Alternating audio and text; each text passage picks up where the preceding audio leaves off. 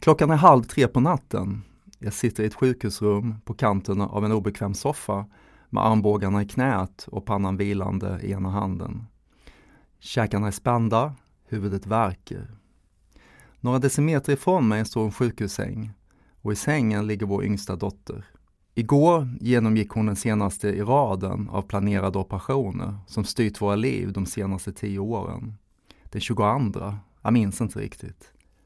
Hennes smärta är olidlig, som alla ben i hennes rygg knäckts och sedan satts ihop igen. Det är mörkt i rummet och endast dioderna på morfinpumparna lyser. Allt känns som i en dimma. Hon somnar korta stunder, vaknar av smärtan, gråter, somnar om. Jag håller hennes hand och försöker vara stark. En dov känsla av ensamhet kommer över mig. En förlamande stumhet i kroppen. Bröstkorgen känns grund och andetaget saknar utrymme. Den styrka jag stålsatt mig med under så många år är för första gången på väg att ge vika, rämna och brista inifrån. Hon somnar till en stund och jag sätter mig med benen i kors, sträcker på ryggen och lutar hakan lätt ner mot bröstet, vilar blicken framför mig. Kom igen nu Magnus, allt du övat på i alla år. Funkar det nu när det verkligen gäller? Jag öppnar min verktygslåda med de meditationstekniker jag lärt mig genom åren, tar några djupa andetag och försöker få spänningarna att ge vika. Jag låter lugnet komma i sin egen takt. Motstridiga känslor får plats sida vid sida. Tankarna slutar att krocka. Inget skjuts undan. Rädslan och oron får plats bredvid en tilltagande känsla av lugn. Kroppen är fortfarande spänd, men stumheten samsas med en lättnad som gör mig stark igen och som får en varm känsla att sprida sig i bröstet.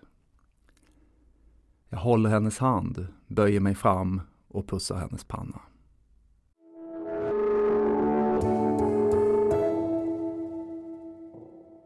Tack Magnus Frid och välkommen till Modern Psykologipodden. Tack så jättemycket för att jag får komma hit. Du är här för vi ska prata lite om meditation och mindfulness idag. Och det som vi precis hörde var prologen till din första bok som heter Viloläge. Precis. Och du har skrivit en annan bok också som heter Att vara stilla när allting skyndar, som också handlar om mindfulness och meditation. Mm. Och om man ska beskriva vem du är så till yrket är du yoga, mindfulness och meditationslärare. Stämmer. Och du har även grundat mindfulness-abben en gång för länge sedan. Mm. Du, nu när vi har hört dig läsa det här om din dotter så undrar man ju bara inledningsvis, hur mår hon idag? Jo men Nelly mår bra idag, hon är 19 år och eh, med tanke på hennes eh, initiala problematik när hon föddes så har det gått väldigt, väldigt bra. Men hon har såklart kvar vissa, vissa saker eh, så, som, som hindrar vardagen till viss del som hörselskador och synskada och så. Men det går väldigt bra. Hon har tagit studenten och jobbar och så. Det är nästan tio år sedan hennes sista operation. Ja, ja. Mm, så är det. Och som du beskriver i boken så var det såklart, det går nästan inte att föreställa sig vilken prövande period det är för en förälder att ha så sjukt barn. Nej, det tog mig, mig väldigt lång tid också att förstå det. Det kanske är först nu som jag har förstått det, eh, vad, vad, vad, vad tufft det var. Och det som du beskriver också är ju hur meditationen och mindfulness faktiskt hjälpte dig väldigt mycket. Jag, jag tänkte efteråt så, här, så jag tänkte att det var definitivt då precis eh, den perioden där jag kände att nu är jag vuxen, kommer jag ihåg. För jag kände det var väldigt tydligt att eh, nu, nu, nu, nu vill det till att ta ansvar och stå stadigt. Och det handlar inte om dig, det handlar om en annan person och du måste bara finnas där hela tiden. Så det, det var liksom en väldigt snabb mognadsprocess kände jag. Mm. Och det fanns inte heller någonstans direkt att vända sig utan du, det kändes väldigt mycket som att man famlade i ett eh, väldigt stort rum. Eh, där man liksom inte heller kunde söka efter lösningar. För att eh, de flesta saker vi pratade om gick inte att lösa så att säga. Utan det handlade mer om att förhålla sig. Så initialt så, så, så, så precis som alla människor gör i en sån situation så eh, var det väldigt, väldigt tufft. Och det var väldigt mycket sorg involverat och mycket eh, Eh, desperation och så. Men eh, jag fortsatte meditera och jag kände också hur den kunde liksom hjälpa mig igenom precis på det sättet jag beskriver här. För det där är ju såklart en riktig situation. Och också hur jag kunde läka både med hjälp av eh, den psykiska redskap meditationen erbjuder. Men också eh, med yogans eh, hjälp att få min kropp tillbaka. För den var så, den var så eh, Även om jag gjort meditation sen jag var tonåring så har jag inte gjort så mycket fysiska yogaövningar. Utan jag har mer gjort stillasittande meditation. Så min kropp som var ganska otränad redan innan blev väldigt dålig under den här perioden. Så jag skulle säga liksom att yogan och meditationen verkade väldigt fint ihop. Mm. Men utan den meditativa eh, kunskapsgrunden jag hade övat upp sedan tonåren så hade jag aldrig kunnat eh, eh, göra det arbetet på egen hand. Liksom. Det var helt uppenbart. Och sen dessutom fick jag en del hjälp av, eh, under den perioden så eh, gick jag också mycket gestaltterapi som jag ja. tyckte var en extremt fungerande metod för mig. Och den var jag väldigt lycklig för att jag hade hittat också. Mm, både kroppen och själen ja, fick sitt. Mm. Mm. Du sa att eh, du hade mediterat sedan tonåren. Mm. Varför börjar man intressera sig för att meditera när man är tonåring? Men det var så att min mamma hade engagerat sig eh, hon var kulturellt intresserad av omvärlden och socialt. Och, eh, eh, av en slump satt hon i ett väntrum någon gång på 70-talet och läste en artikel som var skriven om tibetanska flyktingar i exil i Indien. Och, vilket gjorde att hon agerade som så att hon skrev till SOS Barnbyar och hade ett önskemål att bli fadder åt ett sådant barn som hade kommit i den här diasporan på grund av eh, Kinas ockupation då 1950 av Tibet och framåt. Och eh, mycket riktigt så blev hon fadder till en pojke som heter Karma. Eh, så ända sedan jag, mina första minnen så var han liksom en perifer eh, familjemedlem så att säga då, liksom, eller gudbror som vi sa då. Och um, vi brevväxlade hela min upp, uppväxt i stort sett och jag såg lite upp till honom för att han var lite äldre och så. Och sen så när jag var i den där sökande åldern i 16-17 års åldern så bjöd mina föräldrar hem honom till Sverige och eh, såklart kunde sin buddhism på sina bara fingrar eftersom de kan tibetaner och de kan sin eh, historia med Dalai Lama och så vidare. Och det fick mig i den åldern totalt uppslukad av det. Och, och eh, det gjorde att jag, eh, där och då så bestämde vi att jag så fort jag hade gått ut skolan liksom skulle åka och hälsa på honom i, i eh, Indien där han bodde då. Mm. Sen flyttade han till Nepal efteråt. Och, och sagt och gjort, det gjorde jag och den resan förändrade väldigt mycket för mig för att jag, jag blev otroligt intresserad av meditation. Jag blev otroligt intresserad av tibetansk kultur. Eh, jag började redan då att ta mina första ansatser till att förstå språket och så. Och vi kom varandra väldigt, väldigt nära.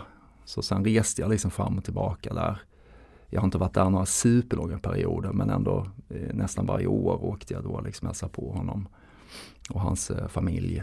Och eh, eh samtidigt så tog jag liksom, liksom styrde alla mina vägar eh, här i Sverige mot det hållet. Då. Och det ska man komma ihåg, det här var ju något väldigt liksom marginaliserat på den tiden. Det fanns inget som hette mindfulness. Precis, utan, jag tänkte precis säga ja. det, för jag menar det var ju, mm. även om du ser provocerande hälsosam ut så är det ju inte, det var inte igår som du var 16. Nej det var det inte. Så, det var inte det alls lika hypat då, det fanns liksom ja, inte. Nej detta var ju eh, 90, 91 som jag var, var mm. i Indien då liksom. Nej det snackades inte om eh... Nej, Dalai Lama hade blivit lite av ett namn. Han fick ju Nobelpris någonstans där så det, det började komma upp då och eh, även en del så här eh, kända figurer eh, klev fram och sa att de var intresserade av buddhistisk kultur. Men, det var, men folk gick inte meditationskurser och det var inte Nej. yoga, det var inte alls på samma sätt? Eller? Nej, inte närheten. Alltså bara för att ge ett exempel var att jag, jag började plugga tibetanska på universitetet, tibetanska och sanskritspråken då på och vi var fem i klassen tror jag, på, mm. på, på hela, hela, klassen på Stockholms universitet. Mm. Och eh, dit jag åkte för att lära meditation var till ett eh, buddhistiskt samfund eh, ute på landet utanför Örebro där det bodde ett par tibetanska munkar på den tiden och så. Men det var, det var ingenting som gemene man kände till överhuvudtaget. Men meditationen fortsatte att följa dig? Ja, hela sen, tiden. Sedan dess? Hela tiden, ja hur skulle du definiera meditation och, och hur skiljer det sig från mindfulness som vi pratar så himla mycket om? Jag, jag, tror det är väldigt viktigt, inte minst när man lyfter in det i forskningsprojekt och så, så måste man ha någon form av definition, annars vet man inte exakt vad det är man eh, får utfall på. Då, så det tror jag är väldigt viktigt. Pratar man om meditation så skulle man kunna säga att det är brett, så brett som att prata om sport eller någonting liksom, med, med underförgreningar i olika idrottsgrenar då. Kanske inte riktigt så men ändå. För det finns ju det finns kristen djupmeditation och det finns eh, eh, meditation som är helt utskuren från, från någon form av tradition och så vidare. Mm. Men den meditationen jag pratar om, som jag har lärt mig, är den som härstammar från buddhismen, från Buddhas egna läror. Från, då rör vi oss tillbaka 500 år före Kristus. Och där pratar han ju dels om mindfulness, där, han, där man menar att, att man gör ett aktivt beslut att förflytta sin närvaro till en punkt där du övar upp den här närvaromuskeln så mycket så du kan vara kvar över en längre tid. Så att säga. Och det har ju jättemånga olika effekter. Men på Buddhas tid så hade det all mindfulness-träning och all meditativ träning hade ju ett syfte att minska lidande mm. för dig själv och för andra levande varelser eftersom du är i, i eh, ett samband med andra människor. Men det, är liksom, det var hans, det är det som går direkt ur de här fyra ädla sanningarna. Att, eh, att leva innebär att det finns friktion, det förekommer i världen så att säga. Och den goda nyheten är att vi kan, vi kan förhålla oss till den på ett sätt som gör att vi lider mindre. Så, och tittar man sen vidare på till exempel tibetanska ordet för Gomgyap säger man för meditera. Det betyder egentligen bara att bli bekant med någonting, bli förtrogen, bli familjär med någonting och i det här fallet bli bekant med hur ett sinne fungerar. Så att vi blir mer närvarande, medvetande i vad som finns i vår tankesfär, i vår känslosfär och i vår fysiska förnimmelse. Men också att det hjälper oss till en visdom hur vi kan agera bättre gentemot oss själva och andra i den värld vi lever i stort sett. Och om du kopplar tillbaks till det vi pratade om inledningsvis, hur man liksom kan hur det här hjälpte dig personligen. Mm. För jag tycker att du är ett ganska bra exempel. Du har själv berättat att du har fått en ADHD-diagnos i vuxen ålder ja, och hade mm. Eh, mycket rastlöshet som ung och sådär. Ja, jättemycket. Hur ter det sig rent konkret? Det här att hitta? Ja, men jag tycker det är jättebra att använda mig själv som exempel där. För att jag, jag, jag visste ju inte det. Jag fick ju som sagt en ADHD-diagnos. Jag var äldre då på grund av att min eh, stora dotter har, har ADHD och när hon gjorde sin utredning så var det som att läsa liksom om mig själv som, mm. som eh, ung då i den åldern. Ja precis i den åldern jag upptäckte meditation. Och jag märkte väldigt tidigt att alkohol eller andra droger var inget, inget eh, som intresserade mig och som fäste heller bra på mig. Men när jag mediterade så upplevde jag någonting annat och det tror jag var så enkelt som att jag upplevde, man kallar det för en psykologisk flexibilitet. Att jag kunde uppleva att när jag flyttade mig till en särskild punkt i sinnet, om det var andetaget jag följde eller någonting, då kunde jag liksom iaktta resten av sinnet. Och då kunde jag liksom plötsligt se den här rastlösheten, jag kunde se oron, jag kunde se olika känslotillstånd komma och gå inom mig. Men jag kunde också, också uppleva den här ytan mellan stimuli och respons så att säga. Då. Jag kunde uppleva att det fanns en yta mellan detta som också var jag. Så att jag var liksom, säga, jag slutade bli anställd av rastlösheten, anställd av oron, anställd av eh, stressen och allt som fanns i mig då. Det fanns mycket annat också bra såklart, men om vi pratar mm. om det. Mm. Och då kunde jag känna att ah, det är ju inte jag, bara det är något annat här. Meditation är absolut inte bara avslappning och stillhet, men för mig var det det första som fäste på mig. Jag upplevde för första gången i mitt liv att en djup, djup, djup stillhet, en djup, djup avslappning i, i eh, precis bara där jag var. Detta till trots. Och det vackra var att det, det, det, kom inte fram genom att jag stängde av någonting eller uteslöt någonting. Utan bara att jag höll mitt rum mycket större och att jag inte lämnade mig själv. För det är det vi gör hela tiden. Istället för att vara kvar med oss själva, med våra egna tankar och känslor, så lämnar vi oss själva för att kanske vi tänker att det blir lättare och enklare om jag förströr mig med något annat eller att eh, det försvinner ut i fantasin eller framtid eller dåtid. Men för första gången i mitt liv så gjorde jag inte det. Jag var kvar med den råa känslan av rastlöshet, den råa känslan av eh, stress eller vad det nu kan ha varit. Liksom. Och upplevde att det är fullständigt rimligt, bara jag håller eh, ytan tillräckligt stor. Och då kommer den inte att eh, äta upp mig. Vi kan samsas så att säga i samma rum. Ja, och när man, när man sitter och ser på dig nu och man träffar mm. dig, våra vägar har ändå krossat några gånger, det man slås mm. av är ju att du att du, ja dessutom heter du Frid. Ja, du, är ju, du är ganska fridfull, du är, du är vad du heter. Du får fråga mina döttrar. Ja. Du vet min dotter, min yngsta dotter har ju sagt, hon som jag läste om, hon har ju under, under några bråk vi har haft, ja. så har hon sagt att det är ett skämt att jag är meditationslärare. Ja, det är som att det är ett skämt att jag jobbar med psykologi. Ja, exakt. När man bråkar Så vi har hemma. alla våra fläckar. Ja, uh, ja okej. Okay. Nej, för att det som, det som jag far efter är att uh, det verkar komma så lätt för dig. Och för uh, många av oss andra så är ju känslan av att det här faktiskt det är skitjobbigt. Mm. Att sätta sig ner. Ska komma ihåg att den killen som satte sig där första gången med den här enorma rastlösheten och jag hade inte heller liksom en särskilt god uppfattning om, jag var väldigt mycket uppe i mitt intellekt i, i kognitiva processer, väldigt, väldigt mycket. Jag hade en väldigt svag kroppsupplevelse på det sättet. Jag var inte riktigt vän med mig själv och så. Så att det var jättemycket motstånd. Men det är fortfarande inte, inte alltid lätt. Inte? Nej, men det jag, det jag har är att jag, jag har förstått att eh, det här måste göras. Så att eh, du, du, måste göra det. Så att vill du bli bra på att laga eh, god mat så måste du stå vid spisen. Du, du, kan inte prata bara, för det kommer en dag när någon vill smaka på såsen. Liksom. Mm.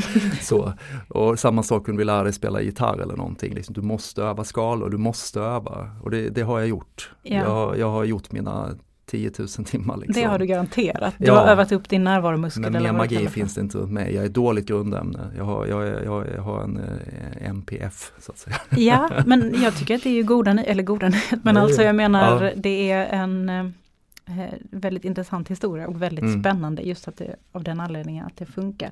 Mm. Eh, ja precis, det är både goda och dåliga nyheter det här med att man faktiskt måste träna för jag tror ja. att det är där skon kanske klämmer lite grann för många av oss när det gäller många saker. Men vet du vad, det, det, det där hör jag ju väldigt ofta. Ja. Men varför skulle man inte det när det kommer till yoga och meditation? Varför skulle det vara undantaget? Jag tänker mer så att allt som har kvalitet i sig måste du investera i som sagt, om du vill bli bra på att spela fiol, du måste öva. Vill du bli bra på att åka slalom, du måste öva. Varför skulle det inte vara så just med de två sakerna? Men ändå är det folk som säger så efter fem minuter, jag kan inte meditera. Det är klart du inte kan. Nej, det är så jobbigt. Att, men jag tror att det är jobbigt mm. att sitta still. Alltså det är jobbigt mm. på ett annat sätt än att typ gå till gymmet. För jag tänkte på det faktiskt på väg hit, att jag var, när jag satt på tunnelbanan. Mm. Så tänkte jag att om jag var Magnus nu, då skulle jag typ stoppat ner min telefon och så här ploppat ut de här grejerna ur öronen och satt båda fötterna på golvet. Mm. Och typ gjort någon slags andningsövning. Mm. Som ett freak. Eller fast alltså det är man ju inte men jag menar bara att eh, om man tittar på hur det ser ut nu så är det ju det mm. som är det ovanliga. För att eh, ja, folk sitter ju och kollar på sina telefoner eller gör som jag, så här hets svarar på mm. något mail. Mm. För att det är så svårt att ta sig den tiden. Nu kommer jag liksom att be dig om konkreta tips. För att mm. jag vet att du ändå mm. har några. Jag vet att vi har eh, tagit upp ganska många av dem i i vår tidning, de finns på vår webb. Mm. Men det finns dels lite tips för man kan komma igång men kanske också Jag tror att vi många med mig skulle behöva lite argument för varför man ska göra det. Varför ska man till exempel sätta sig ner nu och, och meditera istället för att uh, göra någon annan self-care, typ läsa en bok eller måla eller gå till gymmet. Ja men det tycker jag det finns uh, otroligt ty väldigt tydligt svar på. Genom att använda liksom kanske, om vi säger att jag skulle ha en ny person eh, som en elev och jag snabbt skulle ge en introduktion. Jag kanske fick tio minuter för att visa hur det här funkar. Då skulle jag först guida någon form av andning, en breathwork, liksom en andningsövning. Mm. Och inte slumpmässigt utan eh, övningar som jag vet kan förflytta från det sympatiska nervsystemsaktiviteten mer över till parasympatiska, att balansera över mer mot det vilande. Och det är väldigt enkelt. Det är bara att du måste göra det några gånger men det är en väldigt snabb effekt på det. Och eh, sen nästa är ju att skärpa din närvaro så att du med mindfulness, så att du blir kvar i den stillheten, i det lugnet, i det fokuset.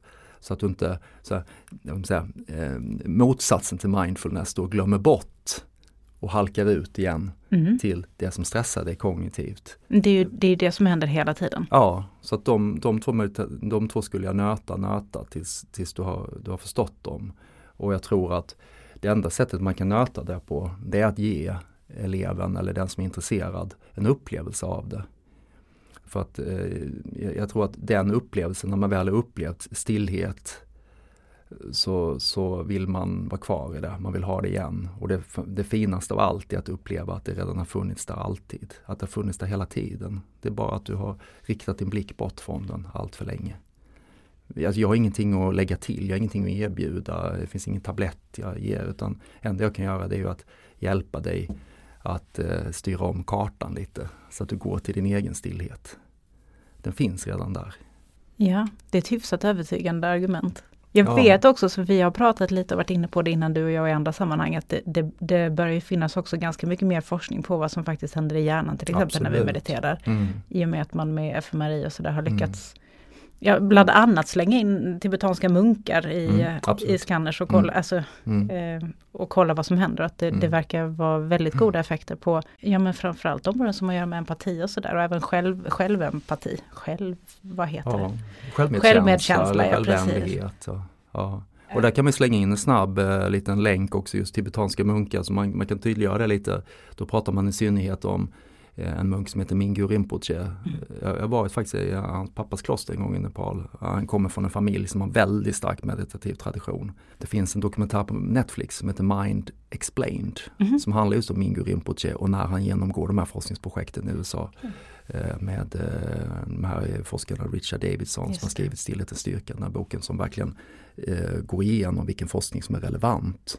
Ja, den tycker jag vi ska tipsa om om någon är intresserad. Mm, tycker jag Just för. Davidson, det är också en ganska, Stillhetens styrka heter den på svenska. Ja. David En ganska- Goldman och Richard Davidson. Just det. Ja. Goldman Davidson, Stillhetens Mm. styrka. Och den är ganska lättillgänglig faktiskt eh, för Ja. vanliga dödliga också. Eh, just om man, om man nu skulle behöva eh, andra argument än just känslan av att Mm. hitta hem i sig själv som jag tycker att du beskriver himla bra. Mm. Men om man vill ha svart på vitt vad det finns för forskning. Verkligen. Det Mm. finns ganska mycket nu för tiden. Det finns jättemycket och jag tror att man, man behöver inte leta länge. Den boken går igenom det otroligt systematiskt Mm. och, och både kvalificera viss, viss forskning men också diskvalificera viss forskning. Eh, eftersom det har gjorts Mm, väldigt mycket mm. forskning då, så den är väldigt relevant. Sen tycker jag det är väldigt härligt att referera till Mingyur Rinpoche. Därför att han är ju väldigt bjussig också och berättar om, trots att han har varit munk och uppvuxen med en pappa som har varit en väldigt känd meditationsmästare, eh, har lidit enormt mycket av panikångest genom sitt liv. Och han berättar även i den här dokumentären hur han har använt meditation för att kunna hantera det på ett bättre sätt. Mm. Så det, det tycker jag också är väldigt, eh, det är en person som är väldigt ärlig och eh, bj- bjuder mycket på, på sina egna svårigheter. Mm. Både det, effekterna vid ja, men, neuropsykiatriska diagnoser och andra Mm. typer av ångesttillstånd och sådär finns ju också väldokumenterat. Och eh, jag tänkte på det när vi pratade om Davidsons bok, att där går också igenom precis det här du var inne på tidigare när vi pratade om forskning och faktiskt definiera vad meditation är, hur knepigt det är och att det också varit ett ganska stort hinder för forskningen. Men Mm. att, de, Mm. att man, man har hittat olika vägar runt det. Och, Mm. det är mycket av forskningen som jag har förstått det, har ju tittat på en speciell typ av meditation som heter loving kindness Mm. meditationer. Mm. Kan du bara snabbt förklara vad det är? Loving kindness det är en väldigt eh, speciell meditation och den är eh, den kommer från en metasutta från Buddhas egen tid där han pratar om vikten av medkänsla. Och eh, då gör man helt enkelt medkänsla gentemot andra levande varelser som sitt meditativa eh, referensobjekt. Så du gör dig mindful på det. Och i grund och botten så bygger det ju på eh, Buddhas syn att du, du är i samklang. Du kan inte existera som en egen entitet utan ett sammanhang och du är en, en medlem i, i familjen, världen så att säga. Då, liksom. Du kan inte av, eh, som säga, skära ut dig från den då. Men sen så är den väldigt häftig och den tror jag är otroligt gynnsam för många av oss eftersom vi är så himla utskurna. Vi är så mycket uppe i eh, vår egen lycka. Ehm, men, men kanske missar vi någonting där. Så den buddhistiska taken är ju då att, att man önskar andra lycka. Så man bygger upp scenarier, reflekterande scenarier i meditationen där man ser andra människor och hur de går igenom svåra perioder i sitt liv. Och man kan börja då med sina nära och kära. Och sen så lyfter man det vidare till neutrala personer, men även människor som man inte tycker om helt enkelt. Man förstår att vi alla varit små, vi har aldrig varit kärlekstörstande och behov av trygghet.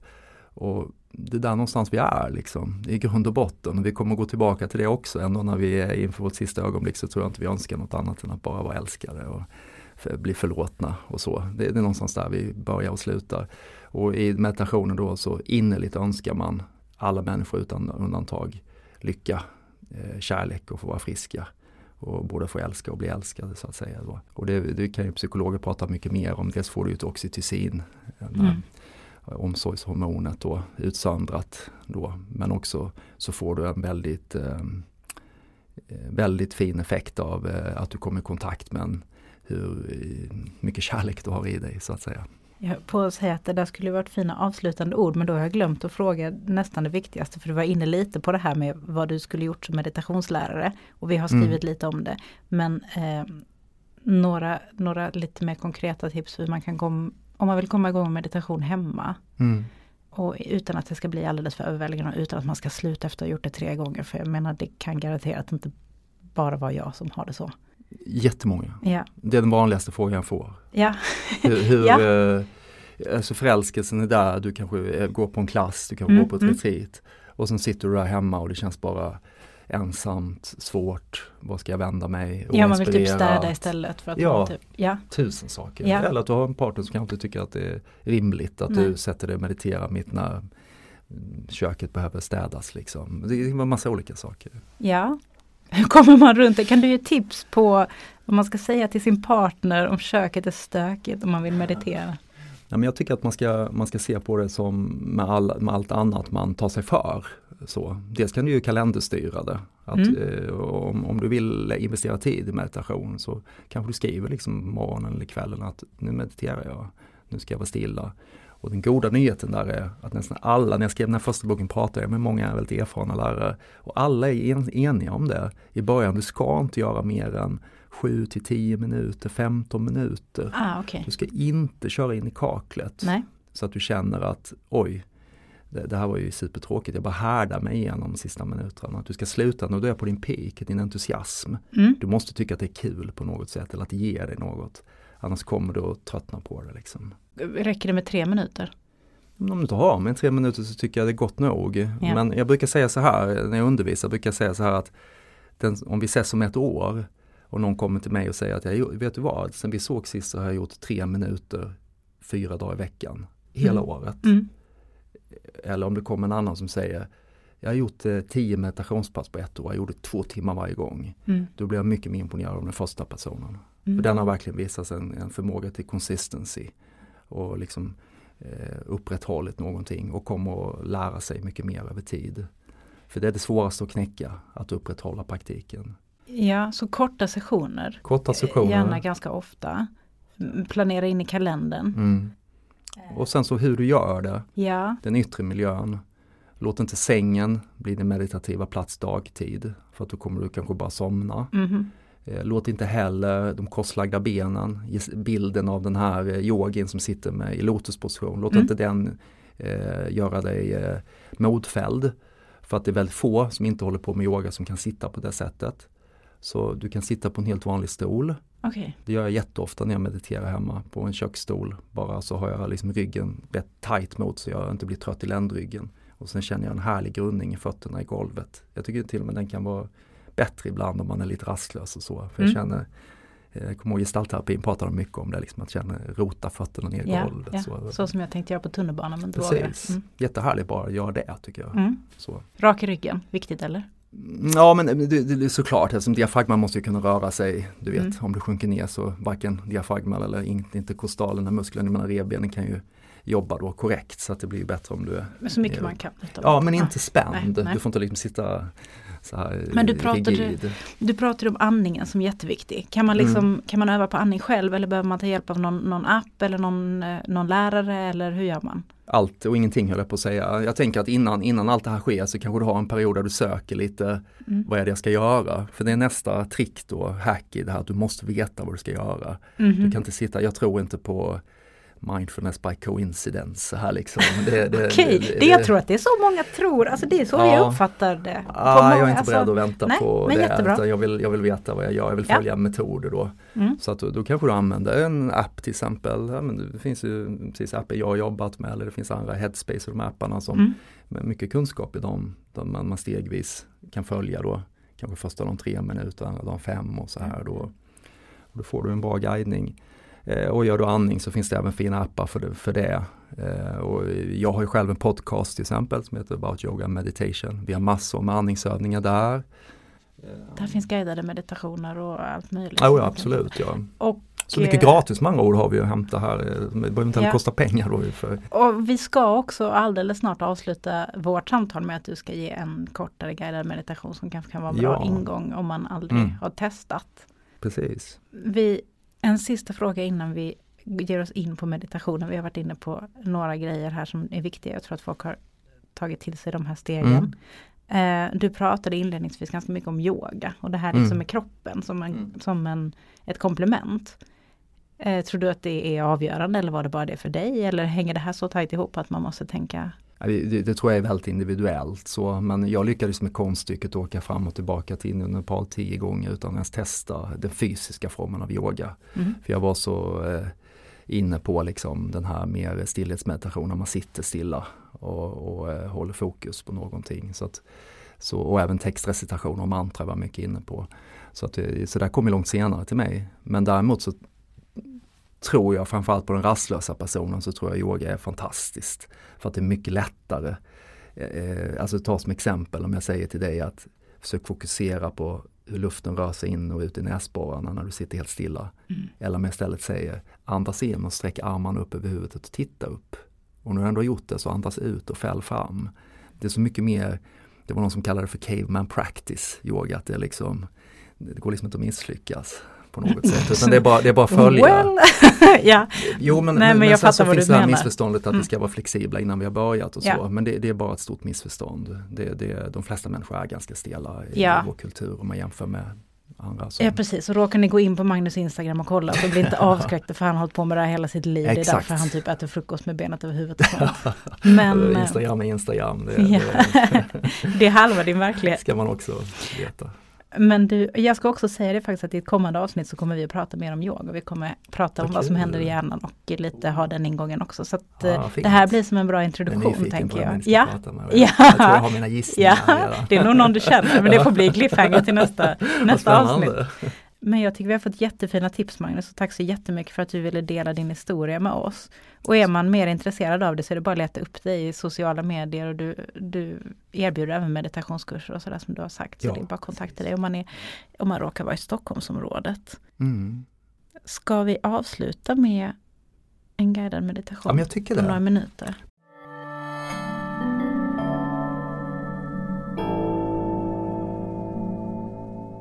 Du kan ha fötterna på något sätt vilande ner. Och händerna kan du lägga, antingen lägger man handflatorna mot låren så händerna pekar ner. Eller så kan man ha dem bara vilande ner i famnen. Så här. Det beror lite på hur det känns i axlarna. Men jag skulle säga att, att ha en bekväm position. Och sedan så vill jag att du tar bara några djupa andetag. Bara naturligt. Och medan du gör det så bara iaktta lite det kan vara en, en bra upplysande erfarenhet där man upplever att inandetaget har ju så mycket mer vitalitet, mycket mer energi. Medan utandetaget är väldigt, väldigt mjukt, lite längre av naturen. Så det kan vi förstärka väldigt, väldigt enkelt och samtidigt då ta ner de här, till vardags tar vi 15 till 20 andetag per minut tror jag. Då kan vi sänka ner det till under 10 så får man också en annan förflyttning över i Eh, mer den eh, lugna delen av nervsystemet. Så kommer jag räkna andetagen lite, så vi ska ta tre andetag. Så om du andas in så räknar jag till fyra. En, två, tre, fyra och sen andas ut genom munnen. En, två, tre, fyra, fem, sex. Andas in genom näsan. En, två, tre, fyra. Sakta ut genom munnen. En, två, axlarna sjunker, tre, magen kommer ut, fyra, fem, sex. Andas in genom näsan. En, två, fyll upp lungorna. Tre, fyra. Andas ut genom munnen. En, två, tre, fyra, fem, sex. Så behåller du munnen lite, lite öppen så käkarna blir mjuka. Och så låter du andetaget röra sig helt fritt. Kroppen vet hur den ska andas. Och sen vill jag att du följer inandetaget. Så att när du andas in är du medveten om att du andas in. Och sen följer du ut andetaget. Och när du andas ut är du medveten om att du andas ut. När du andas in är du medveten om att du andas in. När du andas ut är du medveten om att du andas ut. Men sen är det också mellan utandetag och nästa inandetag så finns det ett glapp, ett mellanrum. som var otroligt upptäckt för mig när jag började meditation. Det är liksom ett glapp som uppstår i slutet på utandetaget. allt är helt stilla. Om man inte gör någonting för att andas in och låter kroppen bestämma att man ska andas in så kan man bara vila i det glappet. Och vill man förstärka det lite grann så viskar man i slutet på utandetaget paus. Och bara glider på s -et. Paus. Och känner hur magen sjunker ut, axlarna sjunker ner. Ytan mellan ögonbrynen är helt mjuk. Munnen lite öppen så käken är mjuk. Och mellanrummet träder fram mer och mer i varje slutet på andetaget. Och då är det precis som att man liksom öppnar en dörr in till den här stilla förrådskammaren i sinnet. Och ibland bara får man snabba glimtar. Men plötsligt har vi liksom byggt ett väldigt bra meditationsobjekt, en referenspunkt för vårt fokus. Så efter en stund blir det nästan som att kroppen kan andas in och andas ut, men vår närvaro är kvar i paus. Och vi kan vila där, vi kan känna klarhet där. Vi kan känna att kroppen känns rymlig, sinnet känns rymligt. Du hör fortfarande min röst, med andra ord har vi inte stängt ner några sinnesförmågor. Paus. Och när du är i det tillståndet så kan du bara öppna ögonen lite, lite grann. Släpp in lite ljus. Så att man alltid gör det jag kallar för postmeditation. Att man brygger över. Så vi liksom bygger en ny uppmärksamhetsförmåga som gör att vi inte studsar in i gamla tankemönster direkt. Utan vi känner den här ytan. Hur det faktiskt går. Mitt i vardagens alla gör och mål, allt skyndande, så kan vi vara stilla i oss själva en liten stund. Och sen kan du röra fingrarna lite. Öppna ögonen helt och fullt och komma tillbaka till rummet.